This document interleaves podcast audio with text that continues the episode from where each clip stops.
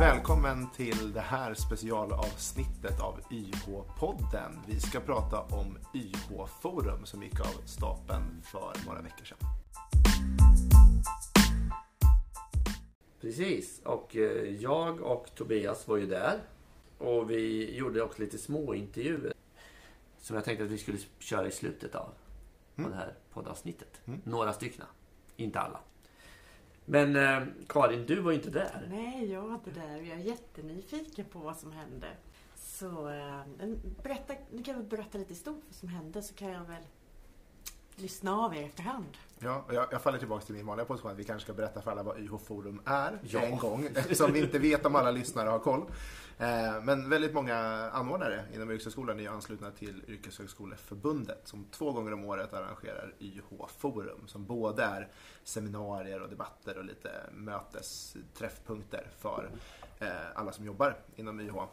Men också ett medlems eller årsmöte, alltså ett demokratiskt forum för de som är medlemmar i den här föreningen. Så det är ju liksom omfattningen. Det brukar vara en dag på våren, en dag på hösten eh, och oftast i Stockholm, även om det har varit på lite andra ställen också. Och eh, vad som togs upp egentligen, det var ju... Ja, Thomas, var- generaldirektören, pratade förstås. Eh, innan dess så var det någon paneldebatt som Ja. egentligen var det första som hände. berätta, morgondagens yrkeshögskola. Vad, sa- vad, vad sades? Det låter ju väldigt spännande. Ja, eller hur? Ja. Ja. Eh, Men det var ju en paneldebatt där det var lite mm, branschorganisationsrepresentanter. Både jag och Pelle reagerade lite på att vi hade ju fastighet och bygg på plats men inte så mycket andra branscher. Och där hade man ju bjudit in två politiker också till paneldebatten. Nu fick ju en av dem förhinder med tågstopp. Så att vi hade bara representation från, jag tror det var Socialdemokraterna som var på plats och Liberalerna som inte kom dit. Jag tror att det var de som skulle representera det. Och då var det ju, eh, jag tror att båda är personer som sitter i eh, utbildningsutskottet. Och de, de nämnde ju då att egentligen finns det inga varken ekonomiska eller politiska hinder att bygga i den takten heller. Nej, eller de, de, de, alltså, de ställer sig också positiva. Sen är det ju, alltså, det är ju några politiska mandat som ska igenom innan det liksom hamnar där borta. Men handlade bara morgondagens yrkeshögskola om expansion? jag skulle säga att det var det övergripande temat. Det var liksom Eh, ingen... Nej, det var, det var väldigt mycket diskussion om hur, hur det också tar tillvara på nyanlända. Jag upplevde att det var en hel del liksom att vi gled in i snabbspår och eller vi, de, panelen gled in rätt mycket i snabbspår och frågorna från publiken gick också lite in i det, alltså yrkessvenska och hur man hanterar det. Att liksom, om vi nu ska få upp söktrycket med expansionen och det finns en stor målgrupp som vi till stor del missar. Mm. Och där känner ju både fastighets och byggbranschen att de kan ha mycket nytta utav att, att liksom få snabbare vägar in. Och politisk uppluckring där uppehållstillstånd och sånt liksom försenar processen i det. Eh, Så det hamnade en hel del i, i det. Ja, de pratar också om att vi har, Sverige ligger lite lägre i snittet om, av hur mycket yrkesutbildning vi har. Jämfört med Norden tror jag det var. Ja, jag jag kommer inte ihåg vad de sa, men, men det är absolut någon, att vi ligger fördelningsmässigt annorlunda. Och så vill de ha att det ska bli, att man, man tror att det kommer alltså lättare rörlighet mellan akademiska utbildning och YH. Just det, men det kom ju en rapport om, eller igår, vi fick Ja, en. mm. Det är ju jätte, jättespännande. Ja. Mm. Men det är, precis som allt annat så är det processer som kommer att ta tid, Ja. men det är alltid skönt när de här stegen, när saker börjar komma i rullning. Absolut. Eh, Och sen tänker jag, jag, en fråga jag fick upp där som jag aldrig ställde till panelen, men det är ju där de säger att de vill ha mer platser, öka YH. De, det pratades om marknadsför, bättre marknadsföring för att fylla klasser och sådana saker. Mm.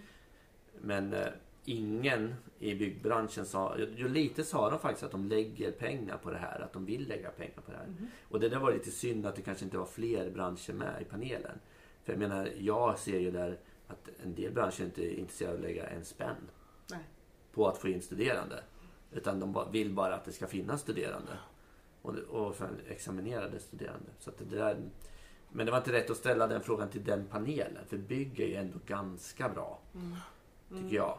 Fast de skulle ju kunna vara bra mycket mer bättre och göra ännu mer marknads... Jag tycker vi kan vända till den positiva sidan av att det är ju häftigt att se när branschen är organiserad och jobbar med yrkeshögskolan på det sättet och även får, alltså får in sina, mm, inte diplomeringar, men liksom certifieringar och sånt in i, i SEQF-system och sånt där. Så att, alltså det, jag tycker det är inspirerande. Spännande och det ligger ju utanför vad, vad yrkeshögskolan ska jobba med men det är ju hur samlar vi de andra branscherna? Precis. För det kommer bli en, en sån stor skillnad mellan de som är organiserade och de som inte är organiserade. Och jag tycker, vi hade ju, jag har ju väldigt länge kämpat för att vi ska få högre tilldelning på IT, att det fanns en sån negativ trend i det när vi ändå håller på att digitalisera samhället och att vi kanske halkar efter annars. Eh, och, och det är ju till stor del för att branschen inte är så samlad. Det finns ju, alltså genom Almega och IT telekomföretagen finns det ju en viss samling i det så, men det är inte samma starka koppling till det utan där, där har inte branschen liksom sett kompetensförsörjningen. Och det pratar ju panelen om, alltså strategisk kompetensförsörjning och hur man som bransch jobbar med det och får sina medlemsföretag att göra det här. Så att, alltså, det, är ju väldigt häftigt att se att det går. Eh, jag är bara orolig för de branscher som inte gör det. För då, Och det handlar ju om SEKF också. ja, Mm. Yrkessvenska pratades det om också lite grann. Ja, men det var det. Snabb- snabbspår, snabbspår. Ja, det. Och då kom det upp en, en, om en app som heter Lingio. Var det svenska med yrkesinriktning eller yrkessvenska? Yrkessvenska. Okej. Eh, Lingio tror jag. Ja men som används, jag, kommer inte ihåg hur det kom in heller men det var Nej, för det- träning av svenska det var det. Språket. att, just det. Så- Gratis app. Jag vet inte heller exakt hur det var men det var något tips från någon utav... Ja, så det kan man ju kolla upp om man vill. Mm. L-I-N-G-I-O tror jag det var. I alla fall. Ja. Eh, Sen sades också att eh, YH blir betydligt mer känt. Verkar som kortare kurser. Pratar de om. I Eh, paneldebatten? Ja, faktiskt ja. kom det upp i... Det var väl GD, generaldirektören satt ju där. Ja. Möjligtvis var det han.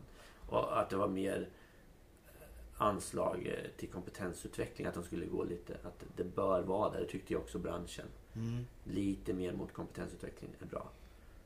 Och sen eh, pratar de om satellitutbildningar en del. Men var inte det den, den nästa punkt? Som heter mynd, Myndighet för yrkeshögskola, det här ordet? Nej. Och vissa så- grejer kom- vissa grejer kom Ja. tillbaka igen Ja. eftersom generaldirektören var på båda platser. Ja, Det, man kan, man kan, en tolkning är också att publiken är väldigt sugna på att oftast få myndighetens syn på saker som är på väg. Så att Mm. mycket av, jag, kanske överdriver men det kändes som att 60-70% av frågorna gick till GD i paneldebatten. Alltså de, inte, inte att moderatorn ville lägga dem dit men att alla andra paneldeltagare tyckte att det var någonting som är Ja. För frågorna har varit väldigt så här, hur påverkar det oss som anordnare? Man var inte lika utforskande ut mot liksom förutsättningarna utanför. Nej. Så man tog inte riktigt nytta av debatten och det var ju tur att moderatorn ändå liksom jobbade med att, att eh, få in lite så här det politiska perspektivet eller branschens perspektiv. För att många utav liksom, åhörarfrågorna vart ju väldigt liksom vårt regelverk, hur oss som anordnare och därför gled vi in i många Så det andra var frågor också. för... Det var öppet för Ja. frågor. Ja. Eh, Och då blev det sådana svar ibland. Självklart. Ja. eh, Ja. Så att det gled runt lite grann i båda de här. Mm. Mm. Ja, ja, ja men, då, men den här nästa punkt då, Myndigheten för yrkeshögskolan, hade ordet med olika Då talare. var det ju generaldirektör, alltså Thomas Persson och sen var det väl Peter Gustafsson och Eva-Lena Ja, det var ju... Kopparvik tror jag som. Ja, Och Jenny förstås på kommunikation. Och-? Och Christer Bergqvist. Ja, allihop. Ja. Hela, hela, Hela ledningsgruppen. Fantastic Four, nej Five är de. Ja, precis, ja. Ehm, nej men ehm, jag minns väl framför allt att eh, Peter pratade om med, med liksom hela vad man har beviljat någonstans och man visade den här liksom kartan över var det beviljas. Och hur stor 49 av andel. 60 regioner är, har platser. i Gotland skickar inga ansökningar, det är det som sitter fast i mitt huvud. Men det såg jag redan när de hade sökt. Ja. Det är det enda länet som faktiskt inte hade en enda ansökan och därför inte kunde bevilja någon heller. Ehm, så den sitter kvar, det är den där vita fläcken på den här kartan. Mm. Nej, men det var lite prat om det och då var det också lite prat om satellitutbildningar och kopplingar. Ja. Och det, man märker att väldigt många är sugna på att, på att utforska de här liksom, som ingen riktigt är säker på. Var går gränsen mellan distans och satellit? Ja, och, precis. Och vi, han Peter visade ju då statistik på att det blir fler och fler distansutbildningar. Och cirka hälften av beviljade utbildningar är distansutbildningar. ja. Fast det är också inom vissa områden är väldigt mycket distans. Ja. Det är fortfarande rätt lite distans inom IT och sådär. Så att, ehm, men det är också det är de områden där man har lyckats visa att distans kan hålla hög kvalitet. Där är det högre beviljande. Jag tycker det finns en tydlig koppling. Jag tror inte att de pratade om det. Men, men eh, Vad de sa, de som, de pratade han pratade om tilldelningen och han trodde ju att den skulle bli ungefär lika som det här året. Oj, det mm. ser man. Mm. Fast det är lite trassel med siffrorna där, för ibland pratar man om antal beviljade utbildningar, ibland om studieplatser, ibland om det totala antal platser som kommer finnas efter nästa beviljande. Så att det, Ja. det, jag upplever att man blandar lite siffror här också igen. Eh, och det Mm. faktiska beslutet, liksom beskedet eh, alltså det, det, var väl inte det slutgiltiga, det var deras prognos fortfarande. Alltså de vet inte exakt. För det har att göra med vad de får för regleringsbrev och ekonomiska Mm. ramar sen i januari ändå.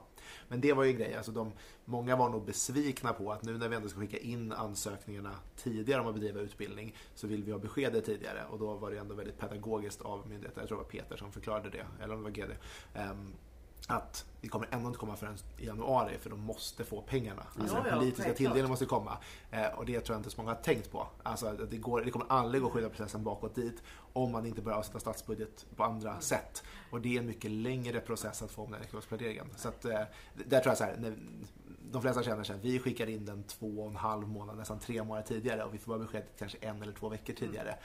Så. What's in it for us? Jag, jag tänker att, och det man ska tänka på då, som inte de säger själva, det är ju att de, nu har de ju mer tid. Det kanske blir en ordentligare genomgång. Alltså de kan i mer lugn och ro gå igenom ansökningarna och därför kanske vi får ett liksom lugnare process.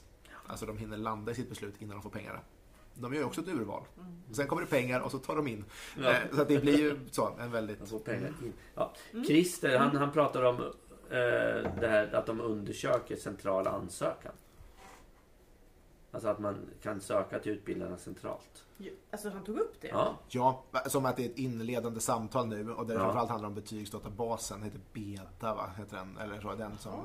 Alltså att man ska börja komma lite dit och att man, alltså myndigheten är intresserad av att utforska det här för att det verkar finnas så stort intresse. ja. Men det fanns ju ingen prognos på när det blir klart eller så. Nej. Men och vad, det, de, vad de sa var ju att ja, men det är bara den första delen. Alltså anordnaren kommer vara, upplevde jag, kommer vara involverad fortsatt i urval, alltså i ja, de här grejerna. Men de är, den första administrativa processen. Ja, men bara det är ju Ja, det är ju jättebra. men jag är inne på, alltså så här, vi pratar ändå tio år bort. Ja, det gör det säkert. Med all rimlighet. Men, men det kanske går fortare. Det Men kan... vad, jag, vad jag hörde i höstas det var väl att det skulle vara, det blir en så stor process. Så halva budgeten myndigheten har till personal skulle gå till att utveckla ett sånt här system. Så Men de det, kanske kan få extra pengar, vem vet? Man Ja. kan också minska schablonerna för det minskar även för hos anordnarna. Alltså om, om man... ja, men det, om, var, det var inte tänkbart liksom att minska eh, eller liksom Nej, pengar nej, till nej. anordnaren för att Nej. utveckla det här. Utan det skulle gå på den andra delen av budgeten. Och då, det är väl Ja. ja, De utreder också möjligheten för kortare utbildningar. Och eh, då var det väl att det även blev en, var det en examen för 100? Ja, vad sa de om det här? Jag kommer inte ihåg exakt. Jag, så det skulle bli lagändring då eller? Ja, det var något. Nu har, kommer jag faktiskt inte ihåg vad det var. nej. 100%. Ja. Vi, vi lämnar det som en cliff. Ja, en cliffhanger. Ta reda på det. Ja. Hör av er till oss. Ja. Jaha, ja Eh, men... Ja, Övergångar mellan YO och högskolan tittar de på. Det var ju det också som vi pratade om förut. just. Eh, och just det, det tyckte jag var bra på ett sätt. LIA ska, bör finnas med i alla examensformer. Oh, la la. Ja.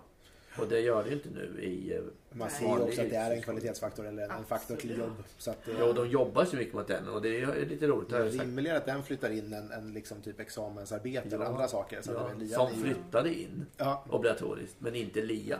Så det Och blir, det var det inga diskussioner om att eh, även en eh, ettårig kan leda till en kvalificerad yrkeshögskoleexamen? jag tror att frågan ställdes med att den liksom svävades förbi Ja. lite grann. Det Alltså, det verkar inte finnas någon motsättning alltså, viljemässigt mot det, Nej. men det är vi, vi är fortfarande i SEQF-trasslet. ja. I min tolkning. Ja. Alltså det kommer ta tid tills man kan hamna där. Alltså man är nog mer intresserad av att prata om övergång mellan högskola och yrkeshögskola än att ändra var vi placerar examen på. Men det intressanta där är ju att det finns ju eh, diplomutbildningar som är kortare än två år som Ja. har nivå 6. Ja.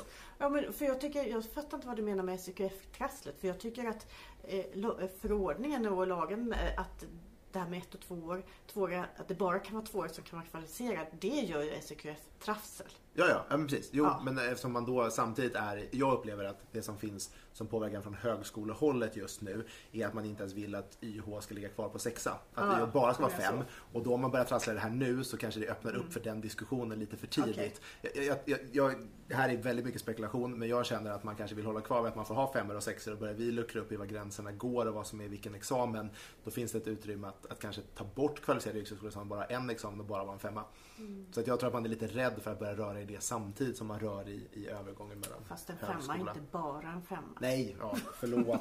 Nej, den fantastiska femman. Ja. Ja.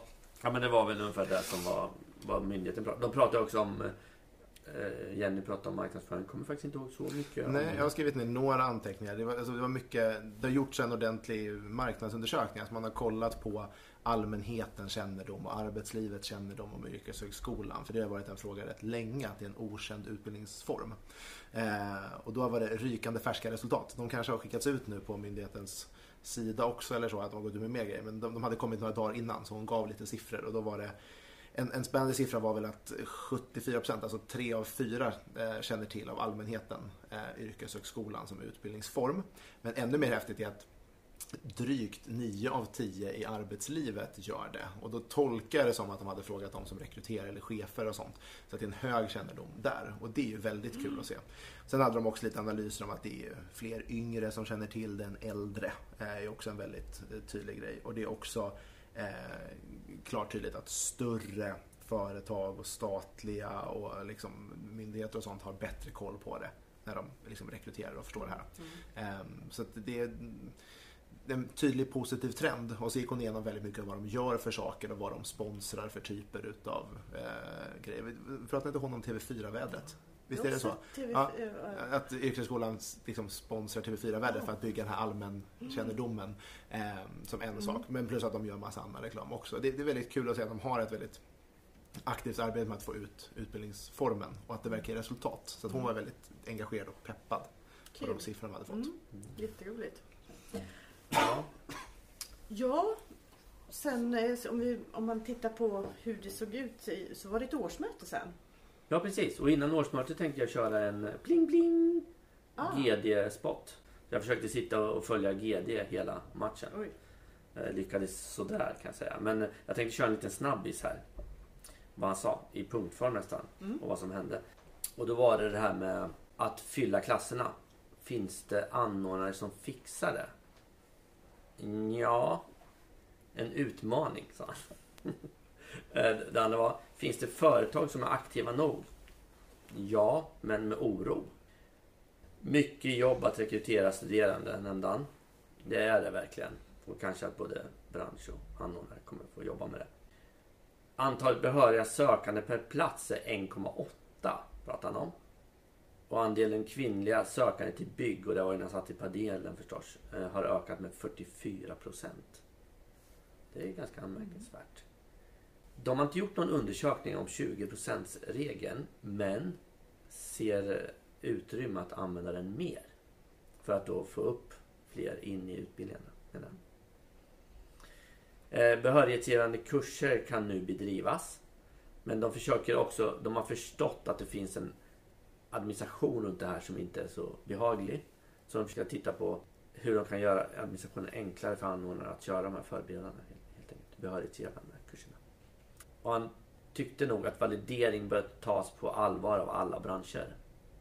Mer och mer. Och att man ska bli aktivare och diskutera validering med arbetslivet på ett mer utsträckt sätt. Eller mer, helt enkelt. Sen pratar man om något som heter BOSS-projektet ett tvåårigt projekt som ska ge ett gemensamt språk för alla utbildningsformer. Är det någon av er två som känner till det? Det roliga var när de direkt fick frågan också om vad det vad betydde betyder? och Nej. ingen kom ihåg vad förkortningen stod för. Det sa han ganska kallt, det har jag inte en aning om.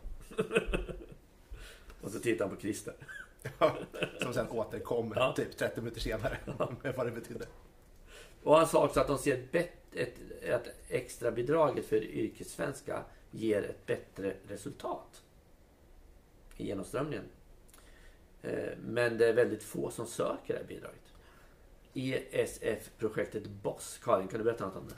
Projektet Branschvalidering, operativ och strategisk samverkan, BOSS, har fått medel från Europeiska socialfonden för att kvalitetssäkra branschernas nationella valideringsmodeller.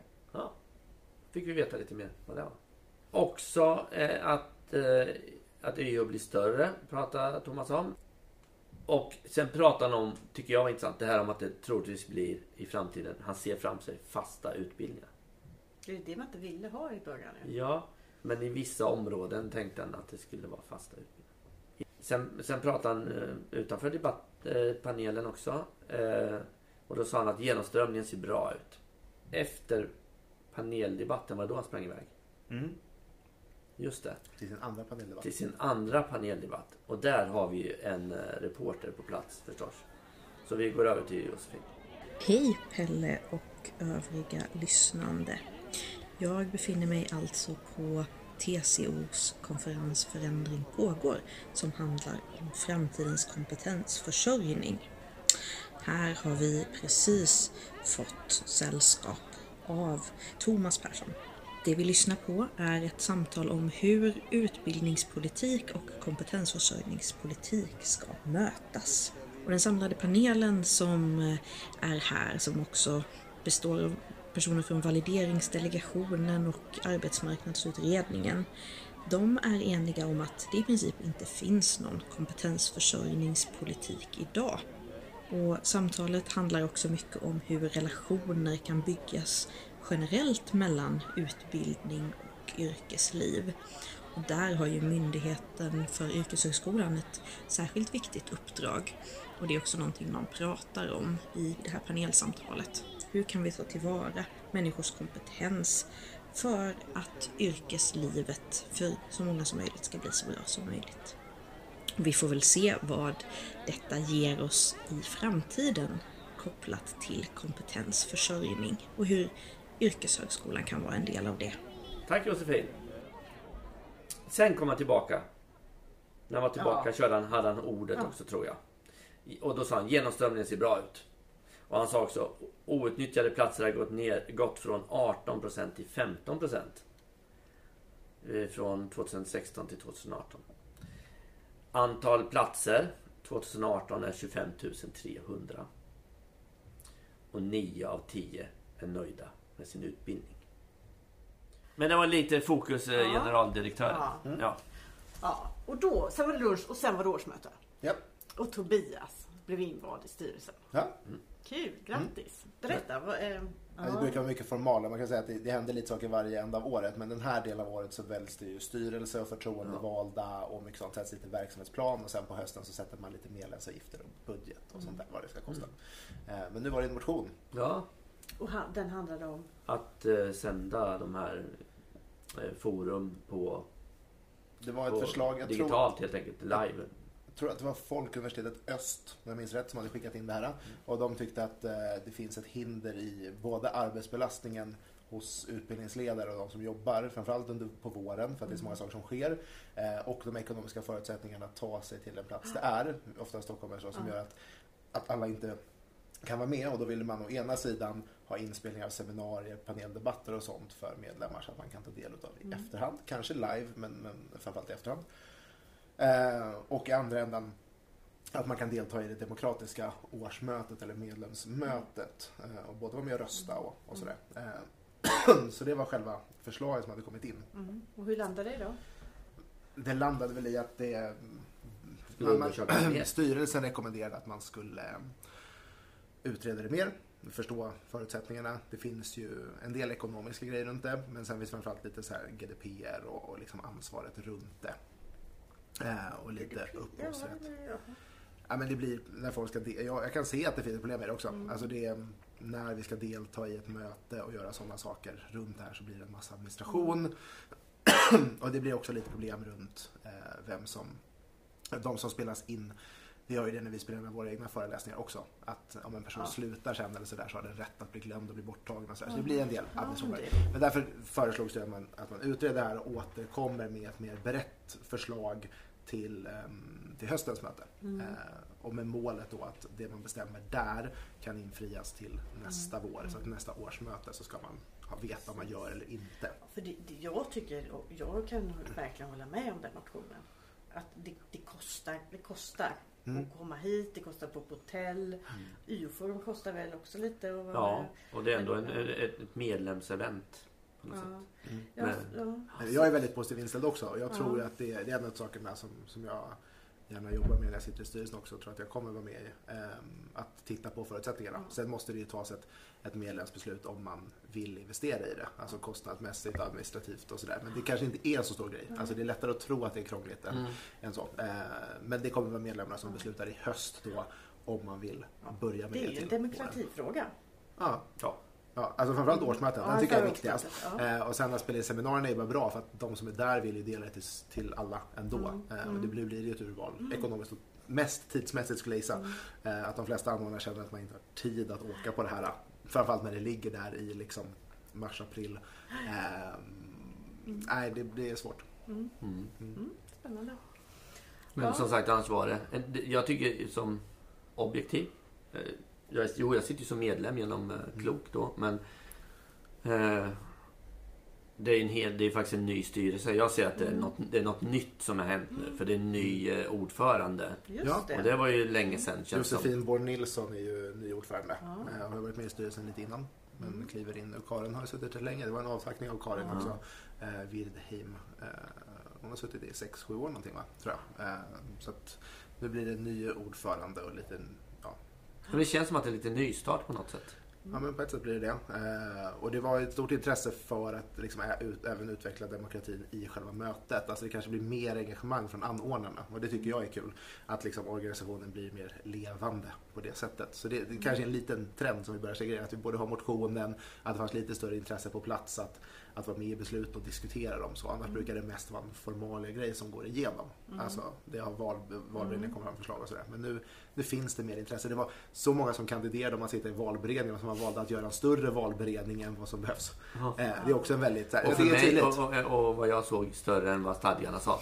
Ja, ja. Men det, Alltså, Ska vi vara petiga så var det ett pyttelitet stadgebrott där men det är mycket engagemang och det är Ja, det är bättre så. Och det, så. hand om engagemang Ja. finns. Ja. Men man kan ju nästan dra paralleller mot det, det myndigheten säger för ledningsgrupper. Att kom bort från formalia och jobba med strategi. Ja.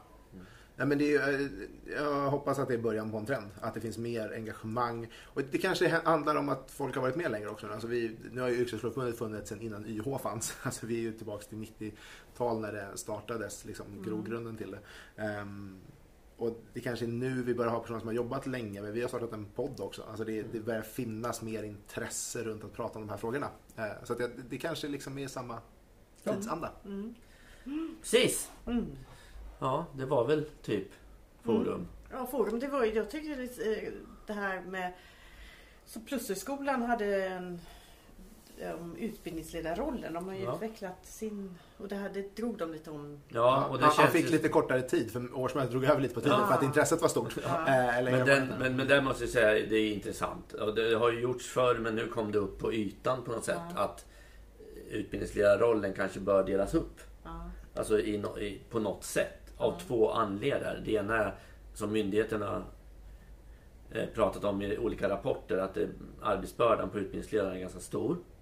Eh, och det andra är att det blir svårare och svårare att rekrytera utbildningsledare. Och, och då påvisar de här då Plushögskolan hur de tänkte. och Det tycker jag var... Jag har själv tänkt så, så att jag håller ju med förstås. Men eh, jag tror alla där inne höll med om att om vi då delar upp rollen så är det lättare att rekrytera till dem. Jag, jag satt och tittade rätt mycket på publiken. Ja. många som satt och liksom nickade instämmande. Ja, och alla de här med liksom, så fort det pratas om överbelastning och sjukskrivningar. För de, de startade ju sitt projekt med Ja. utgångspunkten att de ha- hade för mycket sjukskrivningar. Ja. Och liksom, alltså, svår, både svårt att rekrytera men, men också att det var många som var sjukskrivna. Och det var ju tydligt att det var arbetsbelastningen. Mm. Och genom att dela upp rollen så har de nu fått ner. Jag tror att han sa att just då, så precis där så hade de hade sjukskrivning. ingen sjukskrivning. Och det hade ju inte hänt på ett läge. Ehm, så att det, ehm, jag tycker det var väldigt ärligt och öppet att prata om det på det sättet. Eh, även om mycket av idéerna har testats i andra konstellationer tidigare så är det också så lätt att organisationer glömmer. Alltså det kommer med en ny verksamhetschef eller en ny ledning Ja. hela tiden. Eh, och när det börjar komma upp på ytan och pratas, för många som sitter på IO-forum är ju också utbildningsledare och då kan man relatera till det på det sättet och då börjar det sippra runt i fler. Så det, jag tycker sådana diskussioner behöver komma upp där. Ehm, och det, ja. Kul med sådana. Ja, det är kul. Och det får mig att tänka på hur UL-utbildningen kan se ut i framtiden. Mm. Också faktiskt. Ja, precis. Finns det en utbildningsledare? Ja. Eller inte? Ja. Och kommer det förändras eh, i eh, förordningen? Det ska finnas en person som... Ja, det är många följdfrågor på den, men den tar vi inte idag då. Nej. Nej, vi känner oss klara här så, så avslutar vi med klämmen lite intervjuer. Men vi säger hej då här och nu. Ja, så Och får ni höra tack lite vad folk där sa. Ja, några snabba bara. Ja. Tack. Aha, tack. Monica Westerberg, Folkuniversitetet Uppsala, tandsköterskeutbildningen. Tycker att det var lite, kunde pratas mer om och det är att få med den privata sektorn, arbetslivet. Och förstå vad det är så viktigt vad de bidrar med. Eh, för jag tycker att det är ofta den arbetslivet säger ja visst absolut och sen när det, när det kommer till kritan så backar de och ställer till det väldigt mycket för våra studerande. Eh, Cecilia Andersson, Folkuniversitetet i Öst. Eh, jag tycker förmiddagen var kanonbra, eh, innehållsrik och inspirerande.